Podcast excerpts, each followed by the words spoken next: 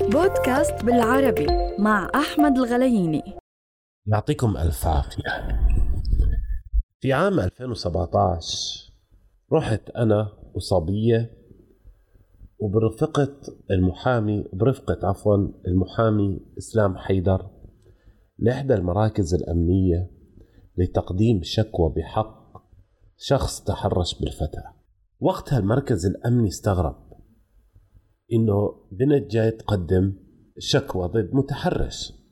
وللأمان وللأخلاق احترموا خصوصيتها وتقدمت بالشكوى واحترموها جدا. وهي نقطة إنه الأمن والأجهزة الأمنية والدولة بتساعدك على إنك تقدم شكوى. أحضروا الشاب عن طريق رقم سيارته بعد ما جبنا رقم سيارته يعني أخذناه. نتفاجأ إنه ما تحول للتحقيق أو للمحكمة ولكن تم حجزه عن طريق الحاكم الإداري. وقتها كتبت تقرير.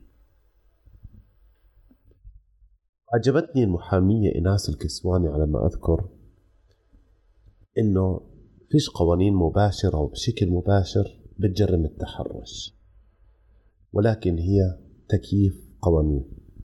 زي مثلا تكييفها ضمن قوانين العقوبات.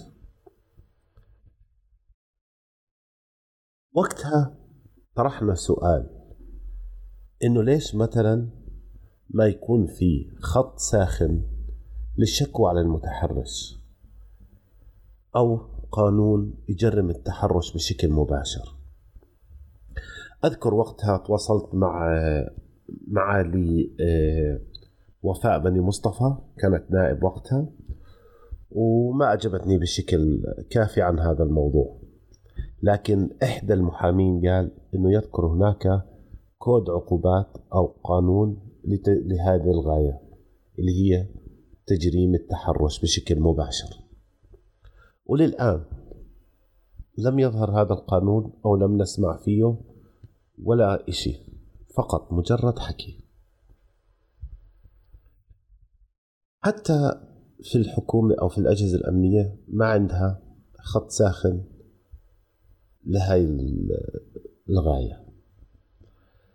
مؤخرا صارت قضية ما عرفت بالتكنو أو جامعة العلوم والتكنولوجيا أو قضية متحرش التكنو. طبعا اللي عجبني شجاعة البنات وتحدثوا على إحدى القنوات التلفزيونية بشكل صريح وقوة أنه تعرضوا للتحرش من قبل هذا الدكتور. وإحنا طبعا ننتظر نتائج التحقيق ولا نتهمه ولا مندافع عنه ولا شيء ولا إحنا آه، محكمة أو أي شيء. إحنا مجرد أشخاص نقرأ المشهد وإحنا بنتمنى العدالة توصل للجميع. السبب إنه ما في أي حدا ثقافة ما في ثقافة وعي إنه البنت أو الشاب شيء طبيعي يتعرضوا للتحرش وإنه لازم يقدموا شكوى وإنه لازم يكونوا يحافظوا على حقهم. أما بقية الأمور بتكون هي مجرد ثقافة. يعني ما في ثقافة عندنا في الأردن آه، للشكوى على المتحرش. ما في ثقافة عندنا في الأردن تدافع عن البنت وأنه المتحرش هو المتحرش. بعيدا عن لبسها عن شكلها عن مظهرها بغض النظر عن أي شيء. المتحرش هو متحرش. هو مريض شخص مريض ويشعر بالنقص. بده يعوض هذا النقص بإنه يظهر قوته. أو ما تسمى ذكوريته أو رجولته على بنت بالتحرش أو برمي الألفاظ. بغض النظر الإنسان لازم يكون قوي تجاه هذا الموضوع ويشكي على المتحرش. والدولة لازم تسن قوانين حول هذا الموضوع. لازم يكون في قانون شك يجرم بشكل مباشر المتحرش ويكون في خط ساخن للشكوى على أي متحرش والتحقيق فيها وإنه لازم يكون بشكل مباشر في ثقافة تبثها أجهزة الدولة إعلامها الرسمي الإعلام الخاص خطاب حول هذه القضية حتى يكون في عندنا وعي وثقافة. التحرش في الأردن ليس ظاهرة عامة. إحنا بنحكي عن التحرش الغير لفظي. يعني شاب يعتدي على فتاة أو يلمس جزء من جسمها في الطريق هذا غير موجود ظاهرة غير عامة. لكن الظاهر العام اللي عندنا في الأردن وبنسبة كبيرة جدا هو التحرش اللفظي.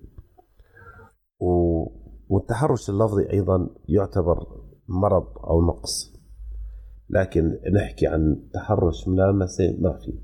لكن إحنا دائما بنحب نعالج الأمور قبل ما تتطور. وعشان نعالج هاي الأمور لازم يكون في قانون يجرم التحرش بشكل مباشر. بالنهاية بدنا نأكد إن المتحرش هو شخص مريض وإنه المتحرش ما بيفرق بين شكل البنت لبسها عمرها آه، أي شيء. هو فقط بده يمارس هذا المرض عليها. دمتم بود.